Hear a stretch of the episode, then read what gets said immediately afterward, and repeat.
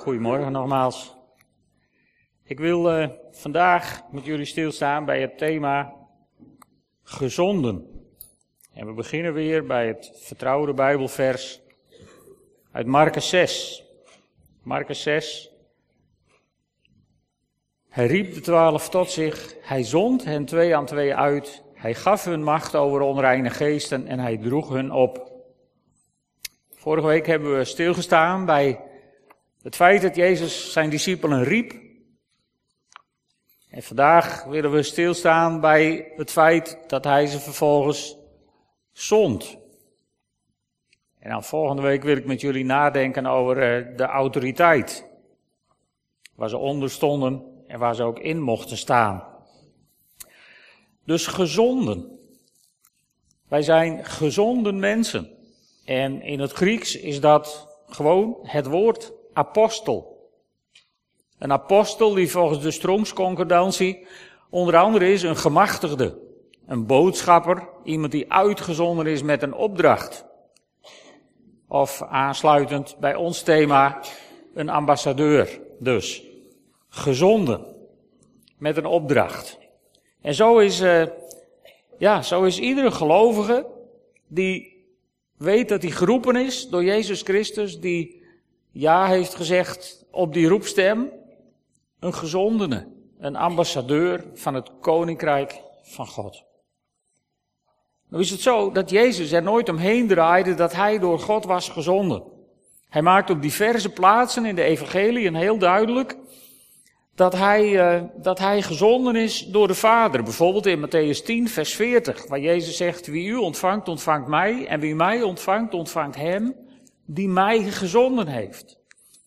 En een ander vers wat we in deze serie al eerder hebben gezien, Johannes 17, vers 18, waar Jezus zegt, ik zend hen naar de wereld zoals u mij naar deze wereld hebt gezonden. Dus Jezus was door God gezonden naar deze wereld. Hij maakt daar geen geheim van, hij draait daar niet omheen, is daar helder en duidelijk over.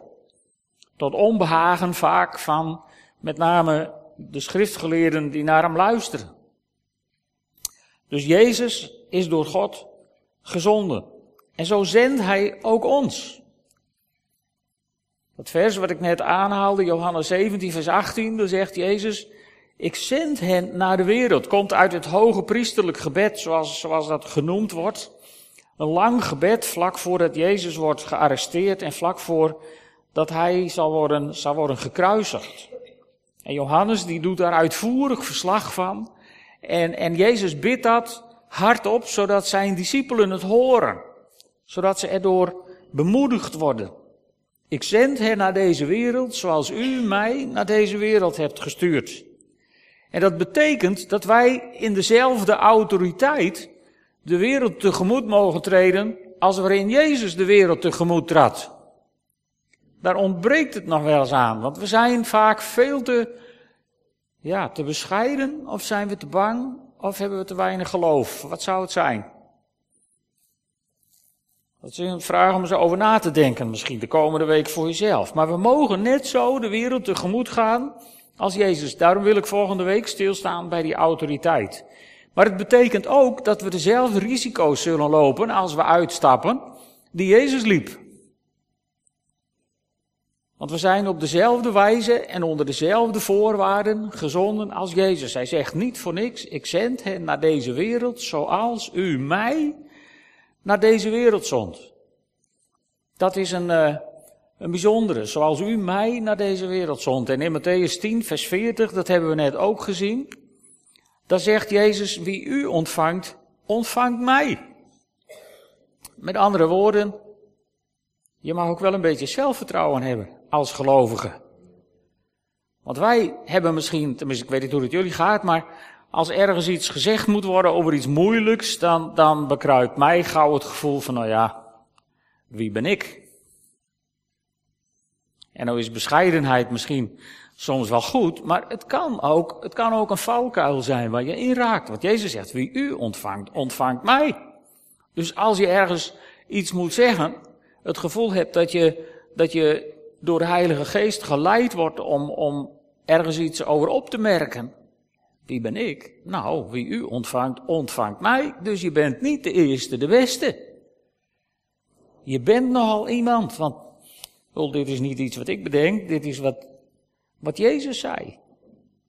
Aan de andere kant, in dit hoofdstuk in Matthäus bereidt Jezus zijn discipelen voor op hun opdracht. En hij spiegelt ze bepaald geen rooskleurig uitje voor. Hij zegt heel helder tegen hen dat ze weerstand zullen helpen en zullen krijgen. En, en bedoel, dit is een heel beroemd vers eruit. Bedenk wel, ik zend jullie als schapen onder de wolven. Nou, je mag van één ding overtuigd zijn. Als je je als schaap begeeft tussen de wolven, heb je in ieder geval de aandacht van de wolven. Dat zal niet missen. Dat is er in ieder geval. Maar goed, of het nou een happy hour wordt, dat tussen die wolven, dat weet ik ook niet. Als schapen tussen de wolven. Tegelijkertijd roept Jezus zijn discipelen ook in dat hoofdstuk in Matthäus 10 op om zich geen zorgen te maken. Want hij legt hen uit dat de Vader voor hen zal zorgen. En dat de Geest door hen zal spreken. Dus dat hele hoofdstuk, Matthäus 10, is een heel, heel boeiend hoofdstuk om van de week eens heel rustig doorheen te lezen.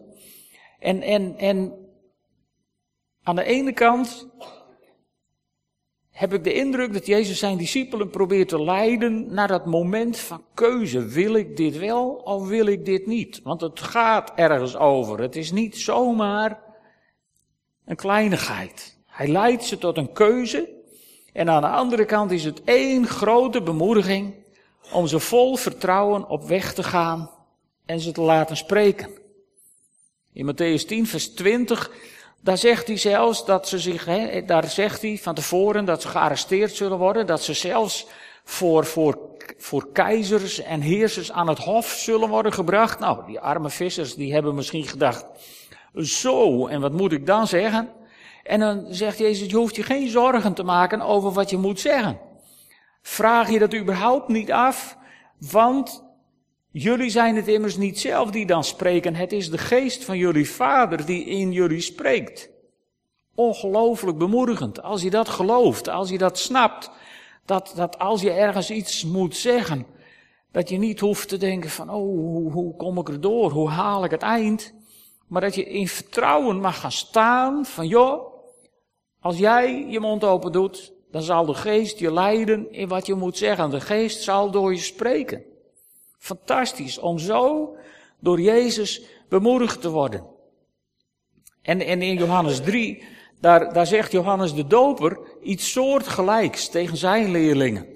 Johannes de Doper die zegt tegen zijn leerlingen, als hij het heeft over het feit dat hij de Messias niet is, maar dat die na hem komt, de Messias zal zijn en dat die woorden van God zal spreken, dan zegt hij, hij die door God gezonden is, spreekt de woorden van God en God schenkt zijn geest in overvloed.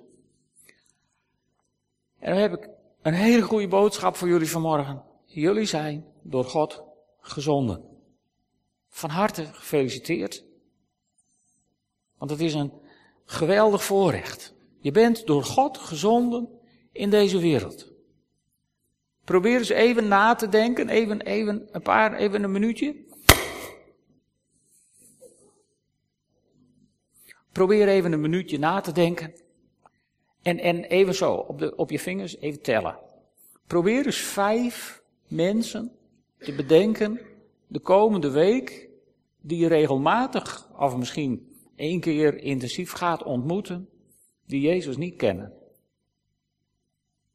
Durf je dat? Heb je zo lef dat je even, even tellen? Voor jezelf even.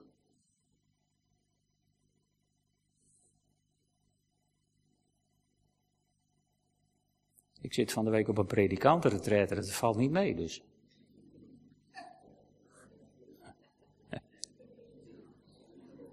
Oké, je hebt vijf, vijf mensen, even op je netvlies, die Jezus niet kennen, die ga je van de week ontmoeten. Zou je het nu aandurven om met mij tegen God te zeggen, Heer, als u iets bijzonders tegen die persoon wilt zeggen, dan ben ik voor u beschikbaar. Maak je geen zorgen over wat je gaat zeggen, want het is de Heilige Geest die door jullie spreekt. Hè? Het staat in de Bijbel. Dat, nu komt het er even, maar geloof je dat nou echt? Want dan kun je rustig met mij zeggen, Heere God, geef mij de komende week de kans om iets over uw koninkrijk tegen deze mensen te zeggen. Hier sta ik, Heer. Hier zit ik. Ik ben beschikbaar voor u.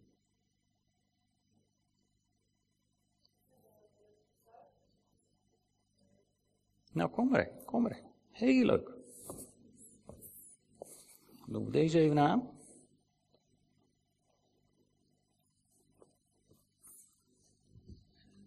Nou, ik, uh, ik uh, ben op dit moment, uh, hè, omdat wij in de bijstand zitten, in een integratietraject.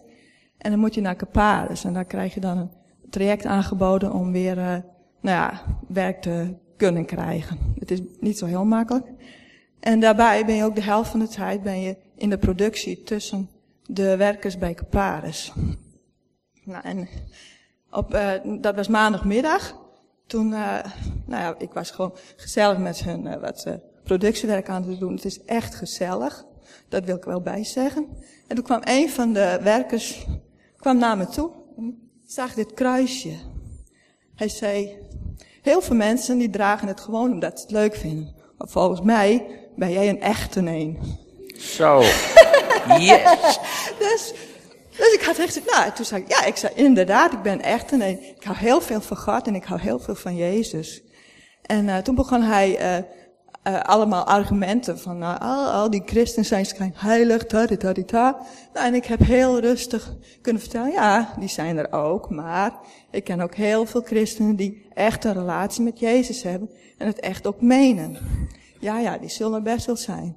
En op een gegeven moment, toen kwamen ook andere werkers kwamen om me heen staan en die begonnen allemaal vragen te stellen over God en over Jezus en waarom ik geloofde. Dus uh, we hebben eigenlijk nog meer zitten praten over het geloof dan dat we aan het werk waren. Dus uh, op een gegeven moment toen zei iemand, nou dit was wel heel diep hoor, we hadden diepe gesprekken. Ik zei, ja, dit is echt, dit zijn de echte gesprekken. Hier is God dan in. Ja, ja. En toen, maar we moeten nu weer aan het werk. Ik zei, nu gaan we weer aan Helemaal het werk. goed. Ja, dus. Lutske, dankjewel. Prachtige aanvulling. En Lutske heeft het overleefd. Zie, ze lacht er nog steeds om. Dus, dus ik bedoel, waar maken jullie je überhaupt zorgen over? Zo erg is het nou ook weer niet. Oké, okay, dus vertrouw, vertrouw een beetje op de geest die in jou werkt. Geloof gewoon dat dat zo is, omdat het in de Bijbel staat. En, en dan kun je dus vol vertrouwen op weg gaan om dat te doen waarvoor we gezonden zijn. We zijn gezonden om, en dan kom ik ook weer terug bij een tekst die we al eerder hebben gezien. We zijn ge gezonden om de grote daden te verkondigen van Hem die mij uit de duisternis heeft geroepen naar Zijn wonderbaar licht. Wij zijn een uitverkoren priesterschap. Een, een koninkrijk van priesters, een heilige natie, een volk dat God zich verworven heeft. Door jou en mij te roepen. En zo zijn we ook gezonden om de grote daden van God te verkondigen. En uiteindelijk gaat dat verkondigen er niet om dat mensen een hele hoop kennis van ons overgedragen krijgen, maar dat we ze weten te verleiden om, om hun leven aan God te verbinden en zo samen naar Gods feest te gaan. En daar wil ik wat een, langer Bijbelgedeelte met jullie overlezen. Dat mag je wel even opzoeken in je Bijbel, want die heb ik niet allemaal op de dia gezet. Matthäus 22, vers 1 tot 14. Waar Jezus opnieuw een gelijkenis vertelt. Jezus antwoordde en sprak opnieuw tot hen door gelijkenissen. En hij zei, het koninkrijk der hemelen is gelijk aan een zekere koning die voor zijn zoon een bruiloft bereid had. En hij stuurde zijn slaven erop uit om de genodigden voor de bruiloft te roepen, maar ze wilden niet komen. Opnieuw stuurde hij slaven erop uit anderen. En hij zei, zeg tegen de genodigden, zie, ik heb het middagmaal gereed gemaakt, mijn ossen en de gemeste beesten zijn geslacht en alle dingen zijn gereed. Kom naar de bruiloft. Maar ze sloegen er geen acht op en gingen weg, de een naar zijn akker, de andere naar zijn zaken. En de anderen grepen zijn slaven, behandelden hen smadelijk en doden hen. Toen de koning dat hoorde, werd hij boos. En hij stuurde zijn legers, bracht die moordenaars om en stak hun stad in brand. Toen zei hij tegen zijn slaven, de bruiloft is wel bereid, maar de genodigden waren het niet waard. Ga daarom naar de kruispunten van de landwegen en nodig er voor de bruiloft zoveel uit als u maar kunt vinden. En die slaven gingen naar de wegen, verzamelden allen die ze vonden, zowel slechte als goede mensen, en de bruiloftzaal werd gevuld met gasten. Toen de koning naar binnen was gegaan om de gasten te overzien, zag hij daar iemand die niet gekleed was in bruiloftskleding. En hij zei tegen hem, vriend, hoe bent u hier binnengekomen terwijl u geen bruiloftskleding aan hebt? En hij zweeg. Toen zei de koning tegen zijn dienaars, bind hem aan handen en voeten, neem hem mee en werp hem uit in de buitenste duisternis.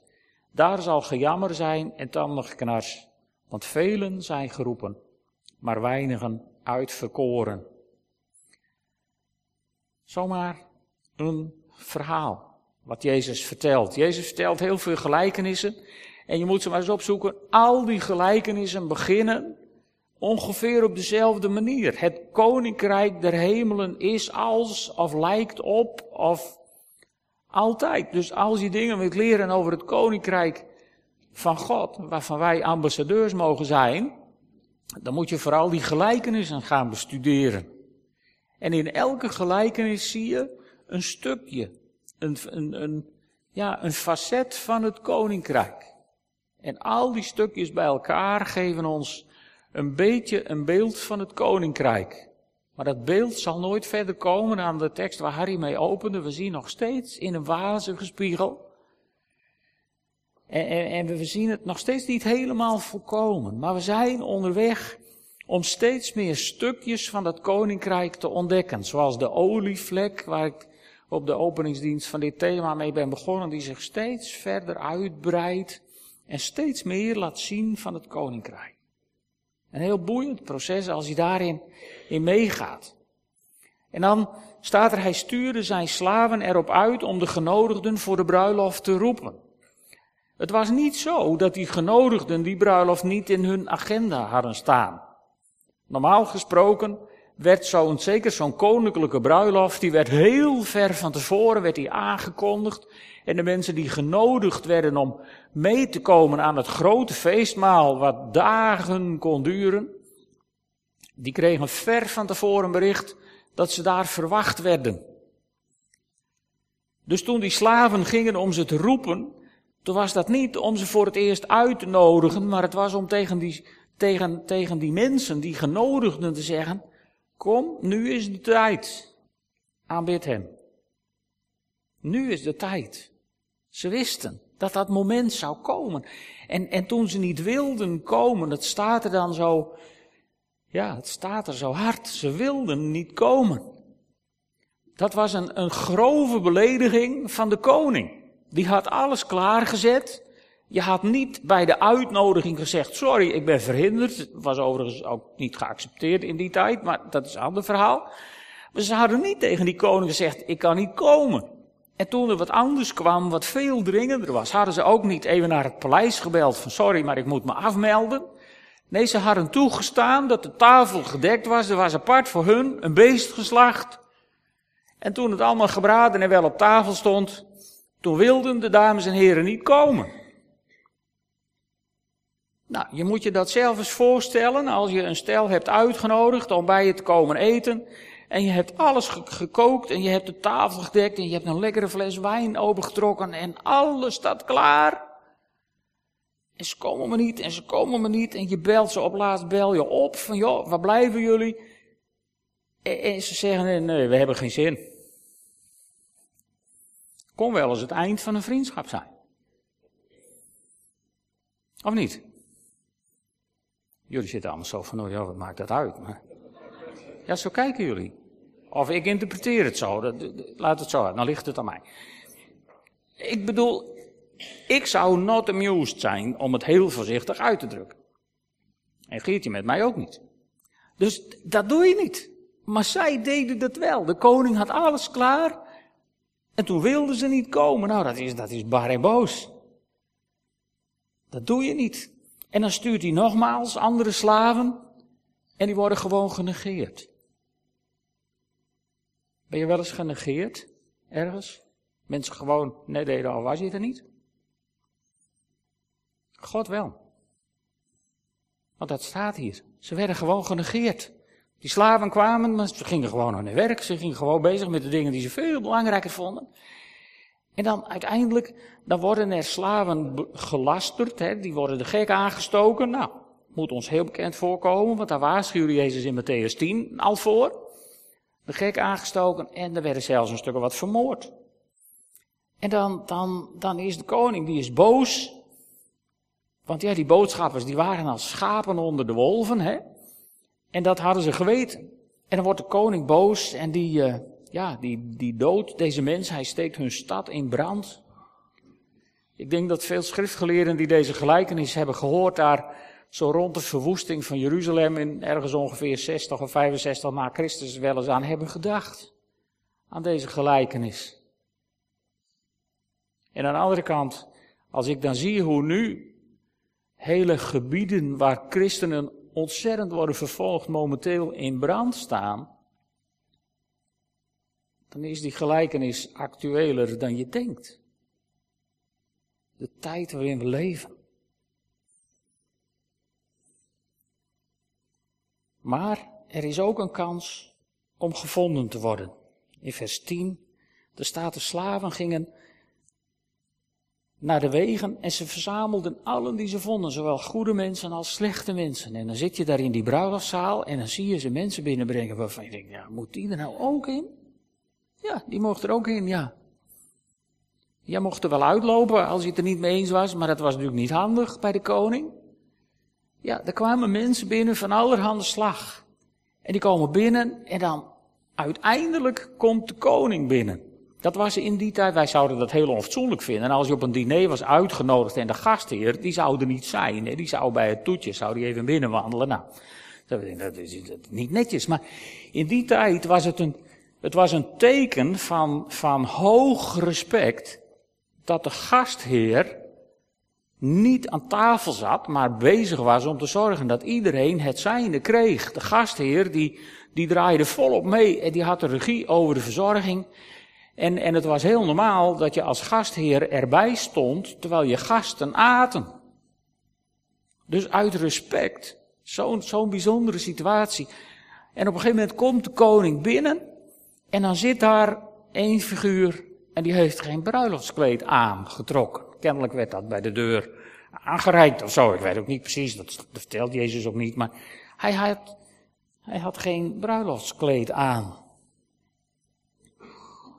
Wat dat betekent, dat legt Paulus heel boeiend uit in Efeziërs 4. Efeziërs 4, vers 22 tot 24. Daar staat door Jezus wordt duidelijk dat u uw vroegere levenswandel moet opgeven en de oude mens die te gronde gaat aan bedriegelijke begeerten moet afleggen. Dat uw geest en uw denken voortdurend vernieuwd moeten worden en dat u de nieuwe mens moet aantrekken die naar Gods wil geschapen is in waarachtige rechtvaardigheid en heiligheid. Als je deze tekst even leest uit het boek, dan wordt hij wat meer uitgelegd. En dan wordt hij wel heel duidelijk. Daar staat dat je de oude menselijke natuur als oude kleren moet uittrekken. Uw vroegere manier van leven, waardoor u geluk en vrede meende te vinden, maar die u in werkelijkheid dood en verderf bracht. Uw denken moet grondig vernieuwd worden. Sterker nog, u moet een hele nieuwe mens worden die alleen voor God leeft, zuiver en goed. Trek een nieuwe natuur aan als een stel nieuwe kleren. Het is grappig hoe dat in het boek is toegevoegd, want dat is precies de betekenis van de Griekse werkwoorden voor afleggen en aantrekken. Dat zijn gewoon de werkwoorden die aangeven dat je je moet verkleden. De oude rommel uit en wat nieuws aan. Op andere plekken legt Paulus dat ook uit in zijn brieven. En dan legt hij ook uit dat je niet het nieuwe aantrekt over het oude, maar dat het oude eerst uit moet. Ik was uh, afgelopen week als genodigde bij een hele grote oefening in uh, de Marnewaard, helemaal daarboven in de, in de Lauwersmeerpolder. En daar, uh, daar, had, daar, daar hadden ze een hele grote straat gemaakt, een soort een hele lange tent waar je doorheen mocht. voor het geval er een soort chemische of biologische ramp zou gebeuren. Of, of in ieder geval een grote besmetting zou zijn. En daar, daar moest ik even naar denken toen ik deze tekst las. Daar kom je die tent binnen. En dan in het eerste station. Dan moet je je neus nuiten, zodat alles goed uit je neus is. En je krijgt een mondkapje voor. En dan moet je je uitkleden. Er zijn geen kleedhokjes, gewoon één grote tent. En er staan brandweermannen met grote slangen omheen. En dan moet je je uitkleden. Ook geen straat voor mannetjes en een straat voor vrouwtjes. Nee, want het gaat om leven en dood.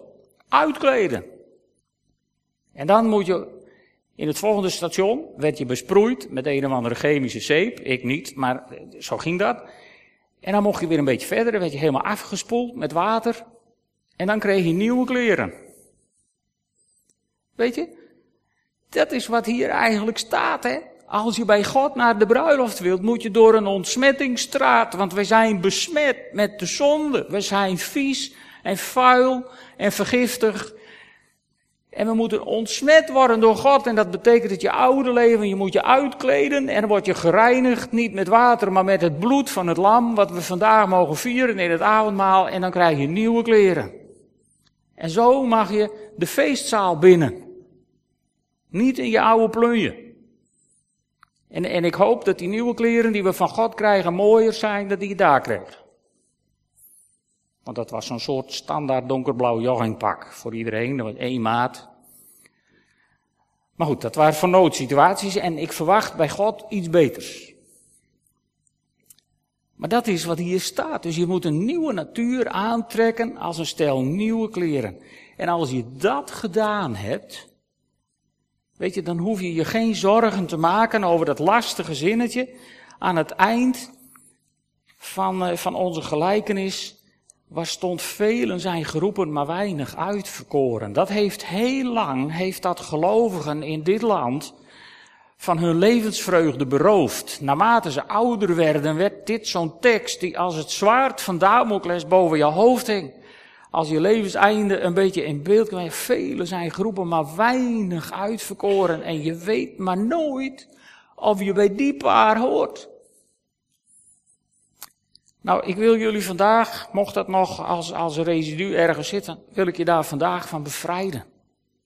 Er staat, velen zijn uitgenodigd, maar de Griekse tekst betekent heel duidelijk dat alle mensen op deze wereld zijn uitgenodigd. En dat zijn er veel, ja.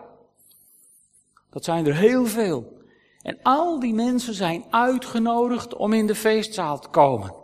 Maar sommigen wilden niet komen. En sommigen negeerden de uitnodiging gewoon. En sommigen hebben degene die hen kwamen uitnodigen vermoord en vervolgd en bespot. En er waren er ook nog ja, die zijn wel de feestzaal ingekomen, maar die waren niet van plan om zich te verkleden. Nou, dat waren er een stuk of wat. En die zijn niet uitverkoren. En dat lag niet aan de koning. Dat lag aan de keuzes die ze zelf hebben gemaakt.